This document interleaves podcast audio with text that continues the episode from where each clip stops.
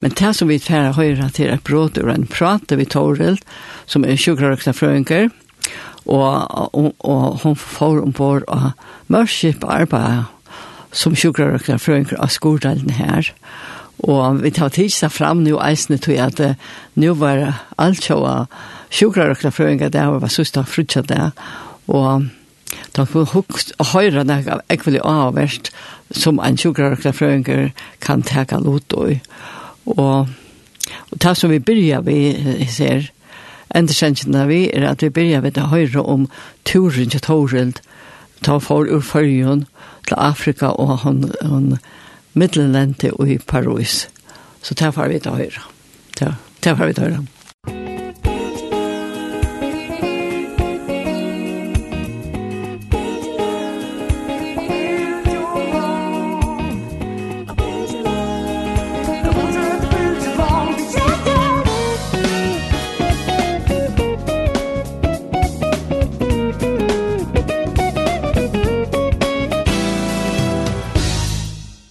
Vi tar nå finnes en gjest i utvarstående, og til er Torl Berensen. Takk for det.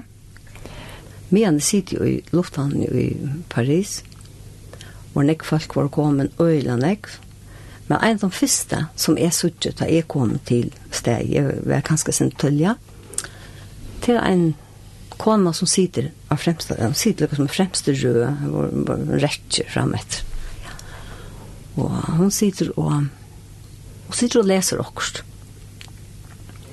Og jeg hittar meg om, og nu kommer okkurst på skjermen, og som sier at jeg flåfer i senka og på grunn av eindløren vid motoren. Og ja, det var sånn skjer til han, og så bare sitter og boja. Nå sitter han og går og løter ta. Reiser han den kona seg opp, og kommer iver til moen og spyr meg om okkurst. Vi var jo som flåferne. Ja, ja. Og Her var jo nek ånder folk som sånt. Ja, det var nek, hva? Her var helt øyne nek, ja. ja. Men nå mm. kommer, så kommer bare til min og spyr meg om akkurat.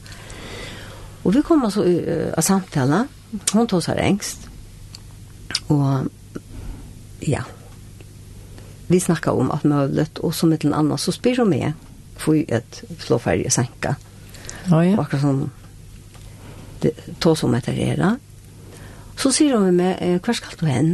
Ja, så sier jeg hver skal hen, og ja, men jeg skal se meg ved, sier hun.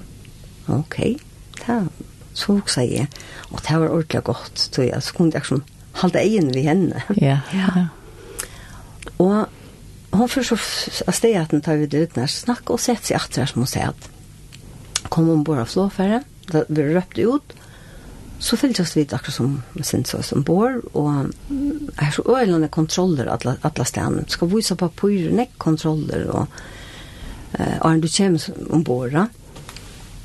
Og vi kom ombord, og hun fer en alt annet sted å sette seg, og jeg setter meg så her som jeg skal sitte, og så sitter jeg ikke henne at, og det er nødt til timer av likva. Ja, ja. Og da vi skulle i land, i vi i Guinea, så og i sjálva munnen av flåfæren her som skulle ut, her møtte jeg en hjertet. Og hun sier så vi med, ja, bare fyller ikke etter henne, og det gjør jeg så. Og jeg spør henne, er det en stor luft han vil komme til? Nei, her ble det nok ikke vekk, sier hun, det her heter ikke så størst. Da. Ja, ja. Så tenkte jeg, det var godt. Det var så ekselig. Og vi kom i land, og vi genga i tjokken et passkontroll, og så i tjokken den neste kontrollen, og hun sier vi med, skal ta hese på papurene, og vise det fram, og Og det var øyla tøytingar mykje at öll navnen, altså navnet av öllum papuren, navnet av passen, navnet av bagasjene og alt, det skulle stemme opp av punktum. Ja, ja. Så det var så strengt. Og da vi kom inn tjøkken til tria kontrollet, her som vi skulle fære iver, så sier hun vimme, om man har løte, så sørst og bagasjen kommer, og er synes transportbanden. Og ut samme øyeblikk kommer en never vi en skjelte, og mørseskip, og mot navn. Og jeg var som som inne på papirer, så jeg sa at han ser at det er rett og følt seg, han ja, deg. Ja, ikke sant. Og da jeg ventet meg vidt, har hun ikke en kone. Hun vekk. Altså, hun var som sånn å gjøre noe vekk. Det du skulle takke henne? Ja, jeg skulle vente meg av og si at bare ved henne. Takke henne for det. Hun var vekk. Jeg så henne omgående hjert. Og jeg så henne omgående hjert. Helt ikke da vi gikk ut. Jeg så henne omgående hjert. Det var fantastisk, ja. ja. Det var og helt, helt, ja, det var fantastisk. Altså, jeg held det var en angel. ja, at det ikke la forklare. Nei, det var ikke la forklare. Det var helt spesielt opplevelse, altså. Ja.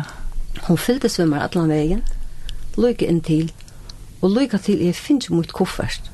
Ta yeah. vendte meg vekk, ta ikke koffert, du vendte meg vekk, du må vekk. Og hans med fra Mørskipsen? Ja, han sendte så innan meg. Ja.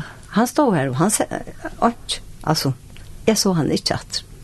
Helst har vi kommet om, og her var nekve bilar, og nekve folk, og flere av dem som var vi og flåferen, de stod i eisen i rundt, men hun var vekk.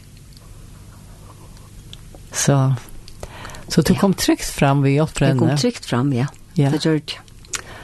Och alltså en god känsla vid at her var en som kjente det og visste ja, det. Och sånt, ja, hun var, hun var øyla öjla kilo god fitt. Ja. ja.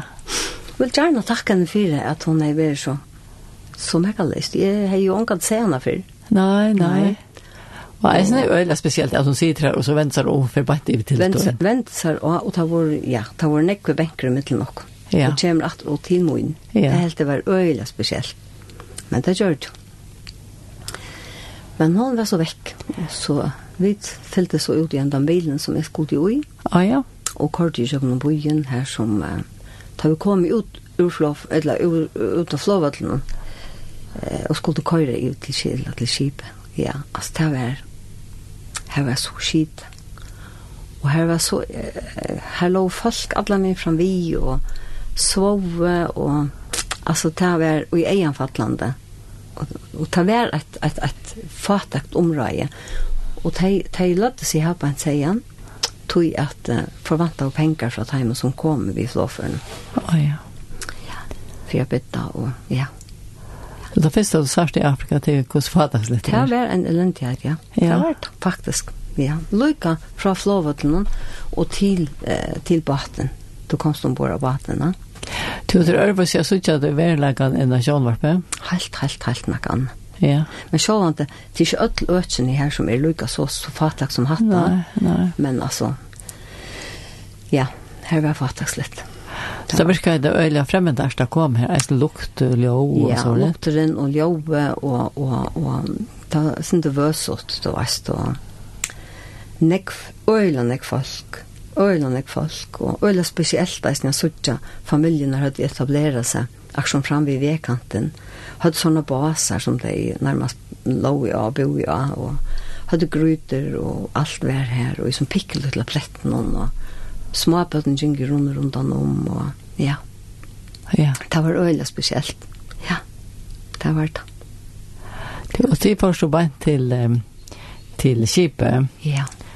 Africa Mercy. Ja kom ombord, og, og da første man kommer i jøkken, da man kommer opp, som langt og så kommer opp, og her er vakt, standa vakter, og Og to er, ta har jeg sjåan ikke finnes noen pass som jeg skal tjekke inn.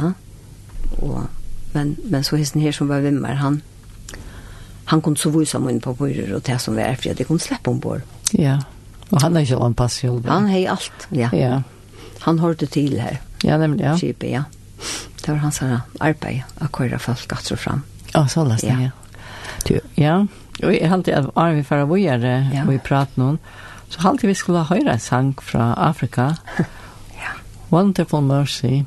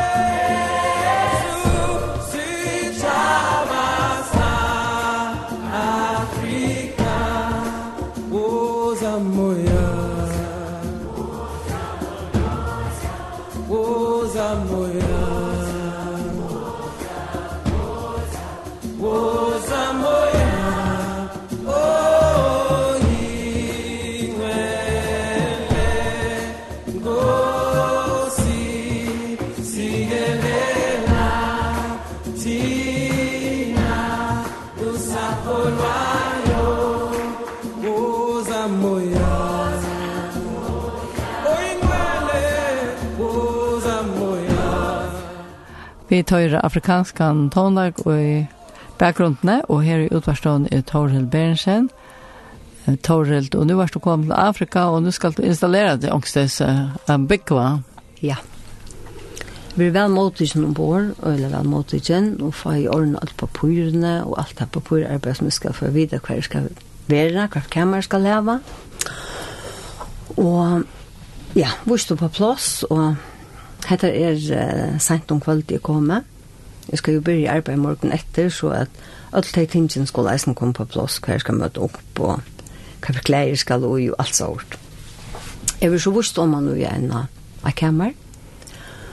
Og her er det uh, seks kodger inne i kammeren.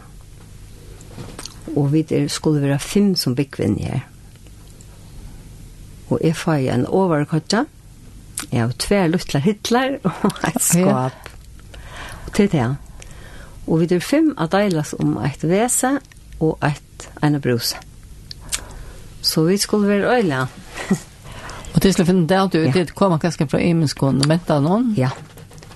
Ånden kommer samme sted. Nei. Der kommer en var ur Englanda, så kom det ur Zealandet, ur Texas, ur um, Tasmania var ein, og jeg ur og ja. Mm og ønsken av åkken arbeidde samme arbeid.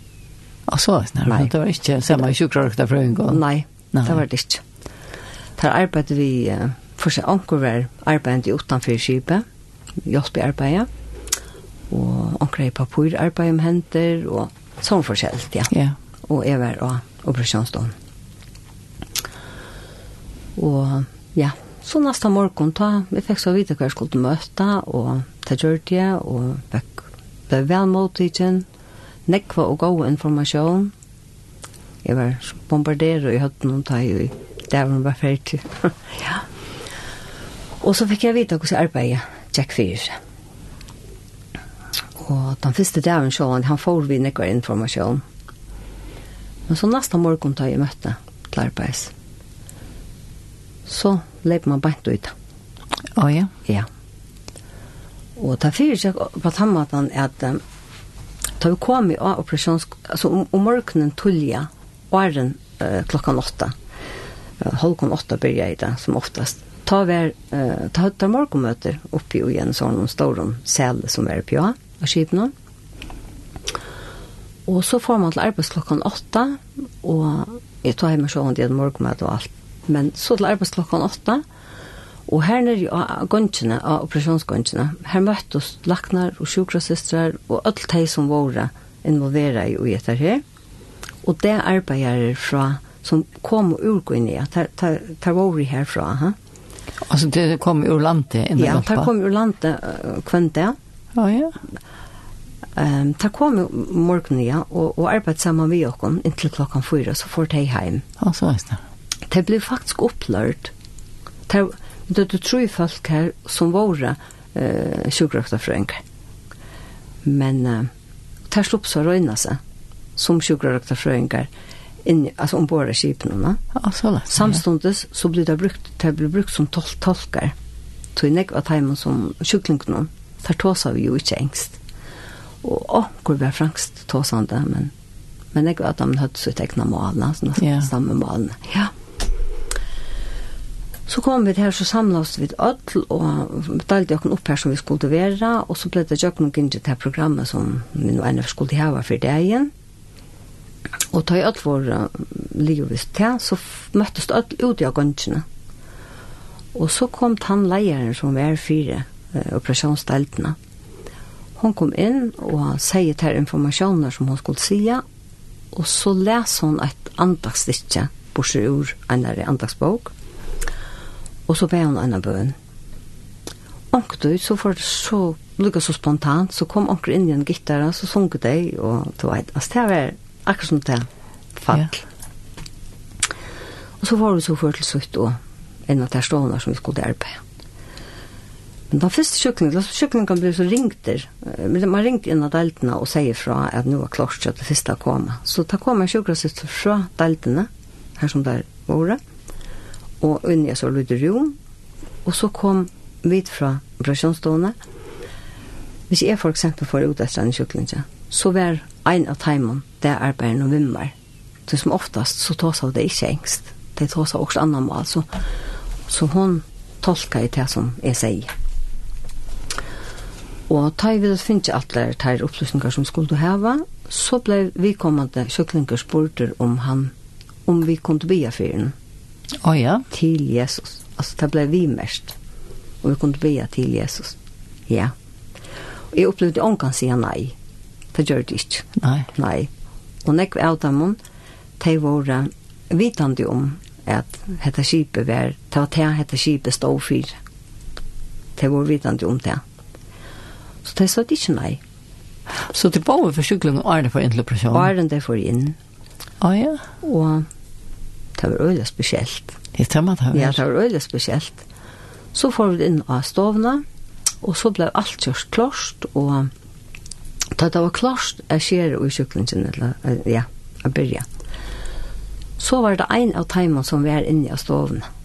Anten det var lakne sjolver, eller en sjukrasister, eller narkospersonal, anker som var inne i stovna, som ble åren. Han sett knivene i fyrir som sjuklingen, fyrir familjen i tjonen, og fyrir forløpen som han var en av skuld i tjøkkenen, hessen sjuklingen. Det var en særlig atmosfære over her. Det var det, absolutt.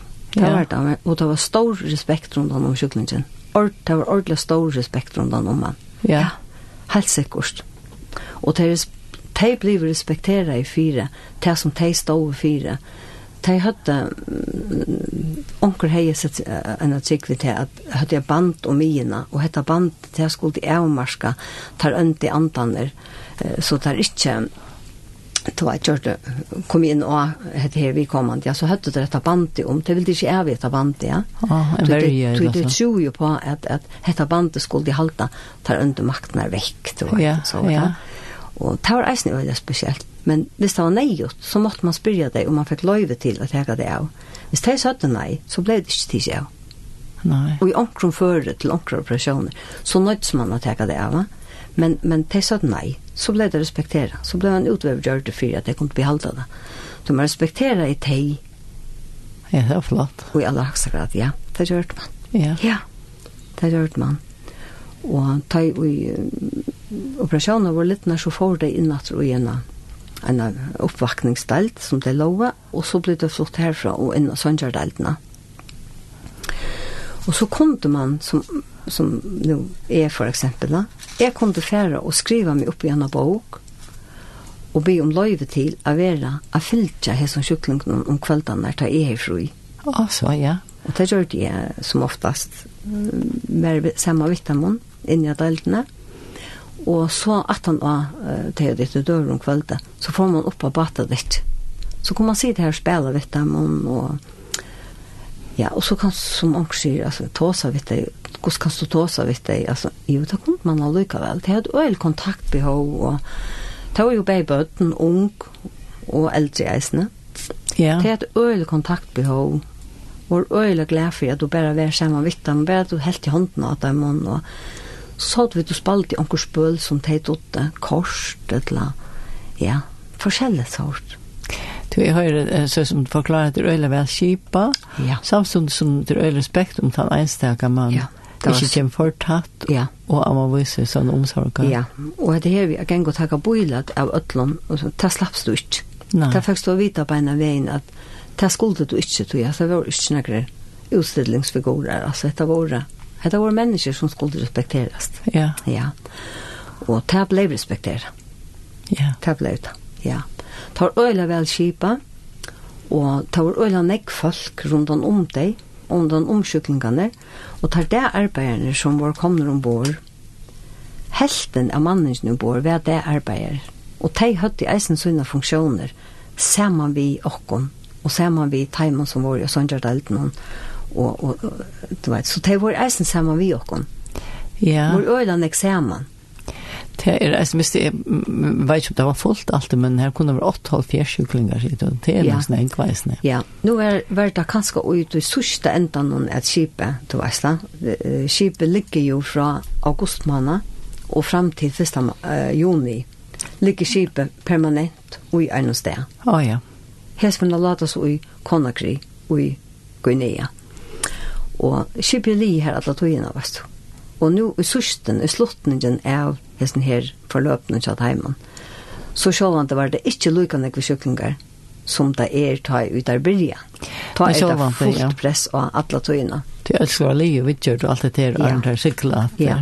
ja, men vi tar to lenka det her. Ja. Det var pausene våre, ikke, ikke der store. Nei. Det var ikke der store pausene det var det ikke. Nei. Men kan du se fra onkel sykling som du fyllte, eller ja. som du kom kontakt med? Ja.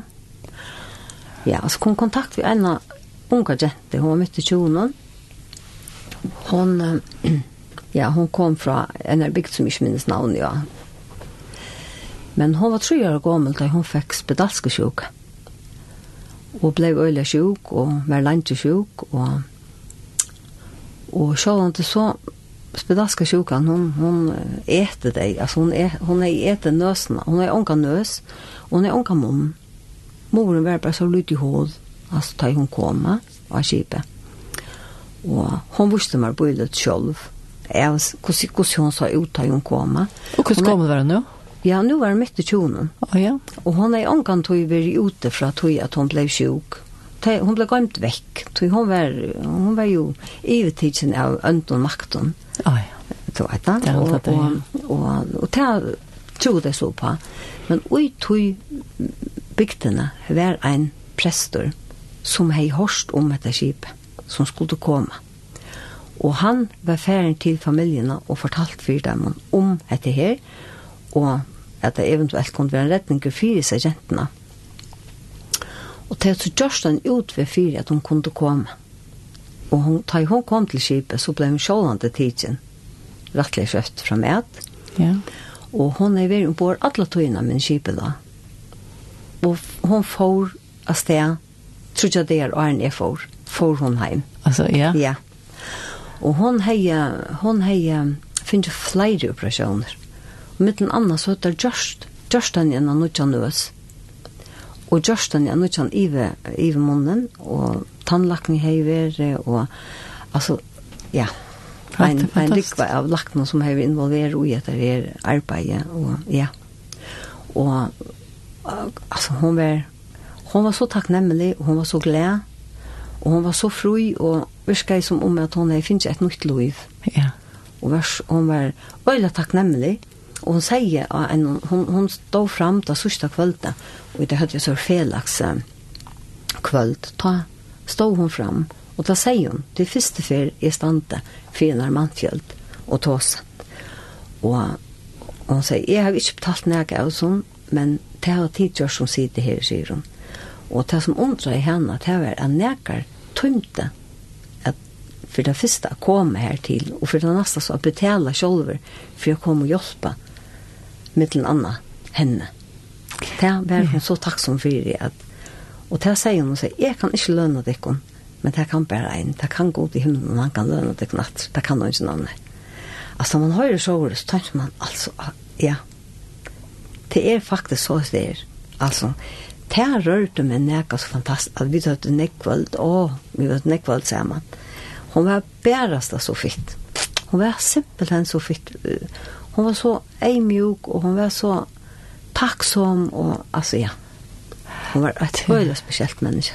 Det är öliga rörande man över att det var helt særstekke løter då. Helt, helt, helt. Hon finns ju inte möjlighet Ja, nu. Hon fick inte möjlighet i löven og, och bara det som hon säger at jeg kan hitta upp. Alltså at jag kan lita mitt anled och hitta upp.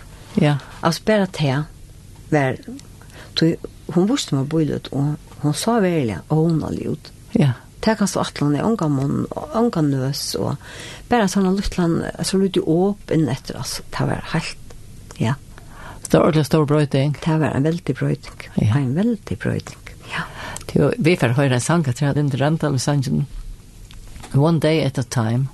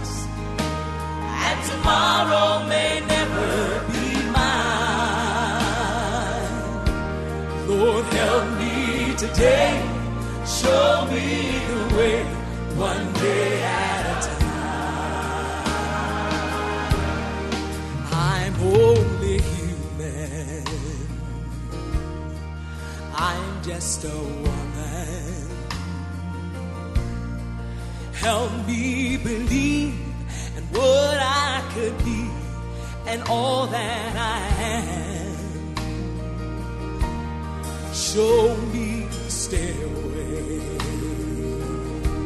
that I have to climb.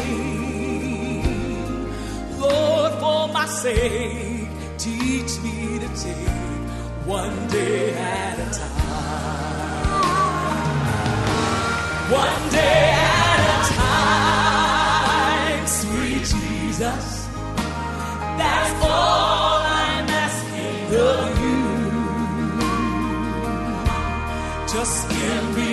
strength to do every day what I have to do Yesterday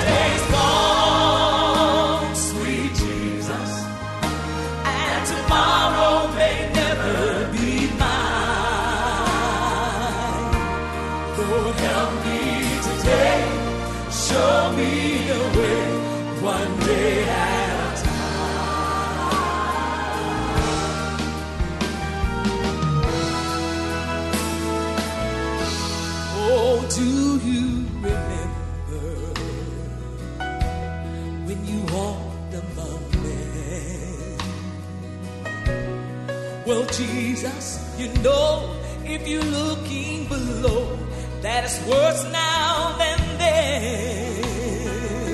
Oh there's pushing and shoving and it's crowding my mind. So Lord for my sake teach me to take one day at a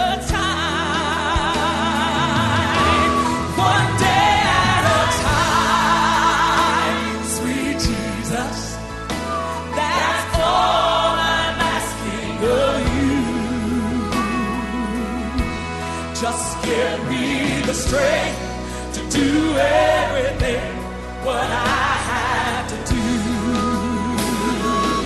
Oh, yesterday's gone, sweet Jesus And tomorrow may never be mine. Lord, help me today. Show me the way.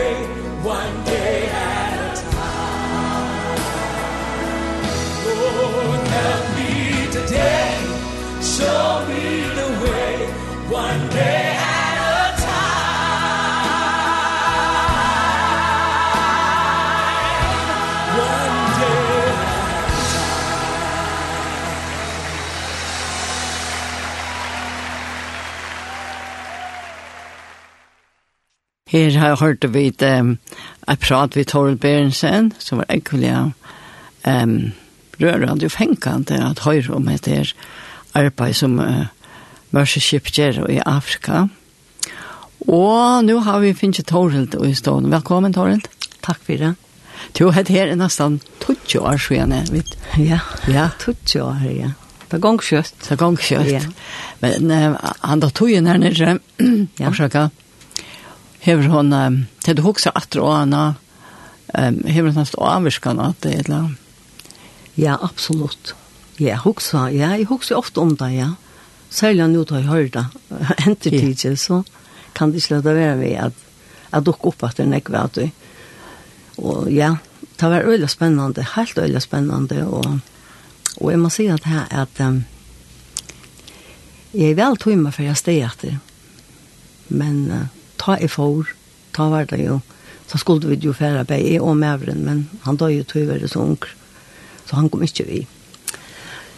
Og det var, og i seg selv om var det, jeg lød knekk, men ja. det var så akkurat mer at som var nere i færen, så, så, så valgte jeg affæra, og til glad for det, jeg engret ikke en det. Og her veien så, ja, så er løyvesnøyene for såles. Og det er lagt meg til at alt er ikke en kjøltfølge. Mm Nei. Vi tar vel godt helseversk, vi kunne komme til lakna, at ta vi det av hodet, ta vi vilja, ta vi det av bruk for det, og få hjelp. Men hese folkene får ikke det, ødel. Hese folkene var fatøk, og hadde ikke møvlega utan omkring hei omsorga fyrir dem. Så det var tuttninga vi da omsorga fyrir hver en øren, og her som man kan gjøre mom, her bør man gjøre mom. Ja. ja. Att det här var man har väldigt väldigt meningsfullt. Det var meningsfullt, ja. Helt ja, sikkert. säkert. Så att man följde som en, en prick i det hela och kanske tappte hur först att jag kan inte göra den stora månen här. Så, Nej. så har man ganska just också lycka väl. Ja. Jag tror för var människan går nog. ja, det var Jarva först, ja, det är allt. Och, och nu är det som sagt 20 år sedan. Ja og to har arbeidet som sjukkerrektor, uh, frøynger og æren, og at han, og to har arbeidet skort og alt, alt, ja? Ja, alt er arbeidet operasjonsgången, ja. Operasjonsgången, ja. Skolgången, ja. Ja, landsjukkerhusen, ja. Ja, landsjukkerhusen, ja. Men altså, alltså hade ikke ena för du er utanlandet, du reis med utanlandet og, og arbeidet så gjerne. Ja, da jeg arbeidet på skolkonsten i 20 år. Ta, ta jeg, nå kan jeg være tog på å prøve åkost meira, Mm og ta flott til norra til, um, til Tromsø av Byggvøy et halvt år og arbeidde i universitetssjukhusen under Tromsø det er størst sjukhus et, et, et, et undervisningssted for uh, de som lærte i universiteten og nær nærbeie innenfor helse, altså lakna sjukhussyster og, og alle forstående faggrupper. Ja. Men Tromsø er ikke så stor byer, ja? Nei, ja, ja, ikke så stor, men minnes ikke akkurat noe hvordan jeg bygger her, men, men uh, størst veldet universitetssjukhus. Det var det, ja? Og, ja, ja, og her var et størst utbyggvingarplass. Og det var ofte interessant, vi tog i arbeidet var at det var en parster av nekvann folkene, og det var nekvann undervisning. Å, oh, ja. Tog at det var utbyggvingarplasser. Ja. Så tog faktisk jeg fikk nekvann avgå av tog undervisningene samståndes som jeg arbeidet her. Så du fikk eisen nekv heim vi at det? Fikk nekv heim vi etter, ja. Men uh, du har eisen okkur å djeva, ganske? Absolutt. Det er du? Absolutt. Ja. Og det er pura sikkert at sjukrasøster til sjukrasrektar frøyngene i fyrjon. Her var en gåa og brei utbyggving som kan brukast her er gos for erfæren her som ja. jeg har vært til fullnær. Ja. Purast av jøvn og fødte vi, vi vi ånder, helt sikkert. Så har det en utbygging som kan brukes den kostnaden? Ja, hun kan. Helt ja. sikkert. Det vil jeg vi melde øtlen. Det vil du, ja. Det aller beste utbygging som du kan bo. jeg må si, jeg tar ikke vet du. Så vi tveirer alt jo. Ja. Sjukra røkta frøyinga dagen. Ja. Ja. At her, nu har vi ikke noe tog etter, um, og sjå at det er store måneder at arbeid i universitetssjukhuset i Tromsø og Båra som kjip noen. Ja, øyla store måneder. Ja. Ja. Alltså i Tromsø var det sånn at um, nekve skier kom ur Urbanshavnen, og nekve skier kom fra, det var en motorsykla, uh, sykling og sånn, og i Kjøtland, og vi hadde sånn her, du vet. Og okay, nekve sånn skier, og det kom inn i Tromsø alt kom inn i Tromsø. Fra, um, altså i Nord-Norra, uh, var det små sjukhus, men de sendte til Tromsø, det ja. som var, du vet da. Og så her ble nekv, her sa man øyla nekv, og jeg arbeidde nekv ut i ortopediska. Å oh, ja. Vi, ja, og, og nekv at her som skeierne kom inn, så jeg opplevde øyla nekv. Kan du ta några döme synes du? Ja, nå var det allmänt uh, i Blöven og Ötlån og jeg minnes godt at utvarp ena för ringte til mig. Ta en händing for fram og en platavärsteg. Ja, ja. Du, det er sikkert listångsten, men tabla ta var i blån så til, jeg har takna skilde men det var så snacka det var allmänt allmänt ja en unge mäver som arbetar en plattverkstad og han har finnet handen in under et eller annet som kappa i simpelthen hånden av.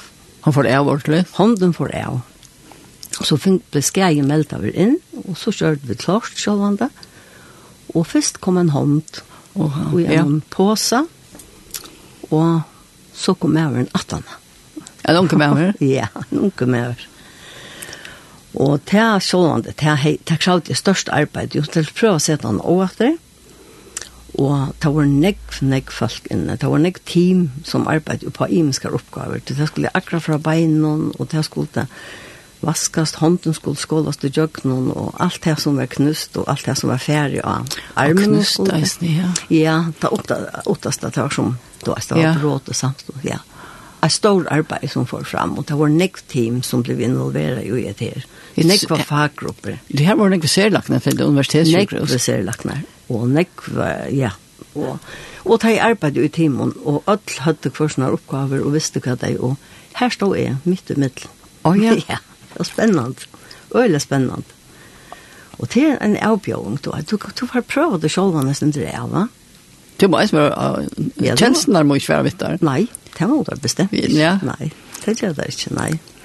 Så, ja, og, og det stod det lenge vært her, ja, at klisjé, den sørst, hånden ble seima og atter. Og båtleførselen, det sa man hvordan hun ble rei, og hvordan det ble pent. Og det var, det var, det tog nekmer et økne at arbeide på, så det var imisk holdt som avlast upp en annan. Ja, självant, det er slant. Men vi hørte jo at han var, i minns jag det var et år at han var, det er sikkert var, fra en her som er kjent, at han, hånden satt av og fungerer, ja, med självant, ikke hundra prosent, men hun var det. det var helt fantastiskt ja, att han lade sig gjøre. Ja, det var helt fantastisk. Ja. Det var sådana så. Som var ekvislige, ja. ja. Men, ja, lärerikt. Lärerikt, ja. Og så kunne de prøve meg sånn av, og, ja. og jeg halte at det er kjekk. ja, det er kjekk. Det er kjekk, ja. Det er litt fantastisk å lese Gjerre, altså, ja. for han sitter på at det. Ja, det var fantastisk. Ja. ja. Man så er sånn, man ser hvordan hvordan blåver for ut i akkene. Ja, litt for det brøytes. Rei atter, altså, hun er jo krita kvitt. Ja, ja, ja. Det var sånn spesielt, eisen, ja. Jo, men fra høsten her kunne du eisen tenke nek heimat vi. Ja, det kom det. Jeg kom ta å nekv heimat vi som vi kom til djeva vujar i akkurat alt. Og, og de kom til eisne få akkurat som vi platt jeg gjør, eller som ja. vi gjør det, og som vi til det var, det var et, som de tok til så inn. Ja, som du kunne gjøre det. Det var gensidig. Ja. Helt sikkert. Ja, helt sikkert. Jo, men, og, og det gjør så at, at um, du kunne lära prata till du kom att Ja. Ja. Så kom man ta det hem vi och och göra det och göra. Ja.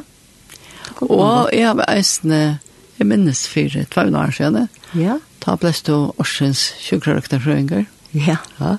Det blev det ja. Ja. Det var en hajare. Det ikke inte vi. Det er ikke råkna vi. Nei, for det er ikke råkna vi. Men... Um, det är nekvar donalige sjukressyster her ute. Ja, men du har haft en några ting vittar heimater og giv just manna gongter og så ja. Ja. Ja, just mange ganger, og og rettenslinjer, det var retningslinjer for imiske prosedyrer og så, så ja. man var inne for hever. Da. Og samme kjølende vi går om kollegene, absolutt. Altså. Ja, ja, ja. Absolutt. Det er godt verdt. Det er godt verdt. Ja, det er godt verdt, og det er då vel. Det er då vel sitt arbeid, alle. Det har sett vi deg prøv, så. Helt sikkert. Men um, du arbeider ikke mer? Nei, nu er jeg giv. Hvordan lenge arbeider du? Av, jeg arbeider i ja, noe sitt år. Godt, ja. godt det. Som sjukkerrekter for enkelt. Annars arbeider jeg som gongsent og herren. Og du var så lenge ut i Landsjøkrosene? Ja, jeg var helt ung til å begynne i Rode som gongsent. Ja. ja. Jeg vasker ikke av gamle tjokkrok og over gamle overgang. Å oh, ja. Så flott i hvit hadde flott i vrud bygningen, den nødja bygningen, ja. som tar vi nødja. Og ta det så flott flotte operasjonsgåndsene i vrud at han som nå er nødja, det er bygningen. Ja. Ta flott i eisene vi her. Så det var ju att alle minnen. Ja. Så har följt det hjemme? Ja, det är det. Det var gott och det arbeidsplass, og jeg och glad for det og jeg vil absolutt vi med alle ødlene for alle sjukrøsøster som kunne. kommer. Telt, ja. Som egnet til det, ja. Det er en god utbygging, og det er en brei utbygging. Du kan bruke den alle steder. Til, Og til man, man kan jo djeva deg, og, og det er... Og få han deg. Og få han deg, ja. ja. Det kan du. Så det er fantastisk. Ja. Og kanskje eisne vi melder for en tur som nu at jeg tog for til Mørskip. Ja. ja. Altså da får man jo ikke løn når man skal Nei. betale alt selv. Ja, og betaler man selv, ja. De fleste som var ombord kom jo, nekker amerikanere, du vet. De ble sponsoreret av imenskom menighetene og ja, imenskom organisasjonen, du vet. De sponsoreret av dem. Å ja. Du vet da, ja. Men ja, Så kanskje det kunne være om på lunch og så. Det var ja, ja sommer var lunch, sommer var några månader då vast. Ja, ja, uppe tror jag månader onkel på et halvt år. Som simpelthen setter seg bort är og till det. Ja. Du men alltså vis om en sjukgråkta för en skiter och huxar att hun kunde huxa så här färre. Ja. Hur gjør gör man? Ja, alltså jag kontaktade Jan Peter Johansen. Og til OM. Ja, han er ju OM, ja. Han, ja. han hjälpte mig vi... eh det formella. Ja. Alltså det är ju till spärra. Det det ska sända till alltså. Ja, att papperna så är det ja. och och och ja och och till im som ska utfyllas och im som ska ska ta vara omkring till att se att du är du och ja ja det var något så gott för det då så gott för det ja och han hjälpte mig väl ja det är absolut spännande ja öle spännande Jag har också om en miskunnsamma samverkan. Det var en som gick fram vid han och så var det en som steg ja. Ja, akkurat. Det kan man göra. Det kan man göra. Det kan man göra, ja. Självan. Jo, självan det. Alltså, man ska... det är kanske inte bara bara affärer, men... Orsaka. Det är kanske inte bara bara affärer, men alltså, hvis du har drivet till det, ja, så fär. Ja. Alltså, det är...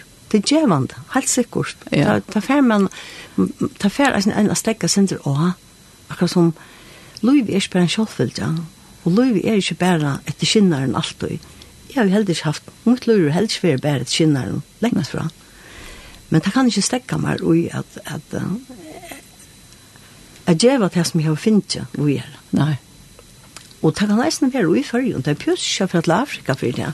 Nei. Jeg mener, du kan gjøre den nekve stedet i eisne. Ja, som det er. En utdratt hånd, ja. Ja. Det kan man. Og, og, og det er en utdratt hånd, uh, jeg så tiltak som tar heva ombord en sånn skip. Tanker ja. som er lakne som halga sitt liv til at arbeidet. Hilser vi ja. lykke, alle årene, han, han er en eldsval, altså. En, ja, en en så en, han ser såna karriärer som så är faktiskt väl och så ja. ja. Och hur vi gjort det som människor någon i tusentals Ja. Ja. Det är fantastiskt. Och så är den så som här ser som vi tar till massa ja. jättar som har ja. skjutit ask. Ja. Jag tror en ut och så eller en ut av neck från neck från neck Ja. ja.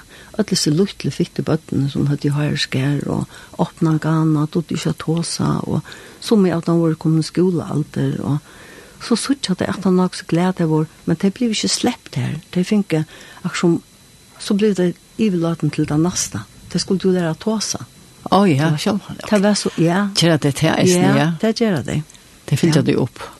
Det fyllte du opp, og, og jeg vet ikke akkurat hvor så lengt det røkker, men i alle dem, ja, så få dig Det få det hjelpene. Ja. Så bare så ikke takk som det er, det er fantastisk.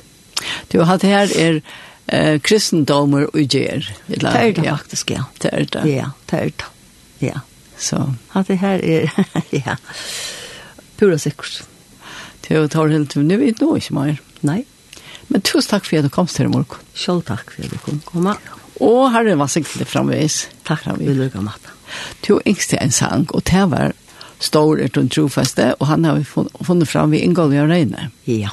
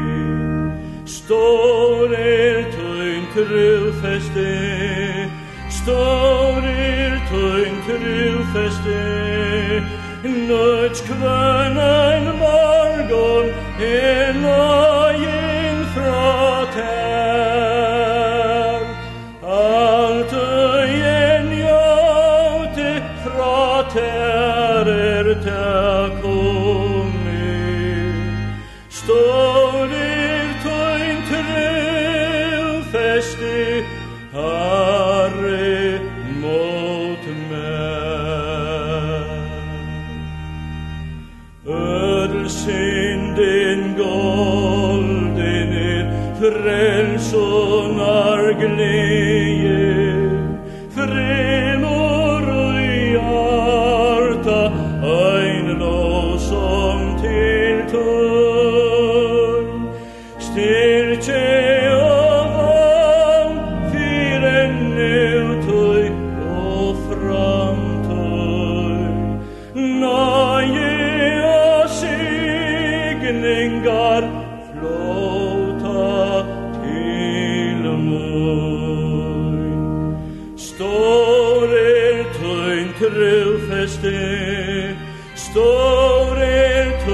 grøv feste Nødt kvøn ein morgon er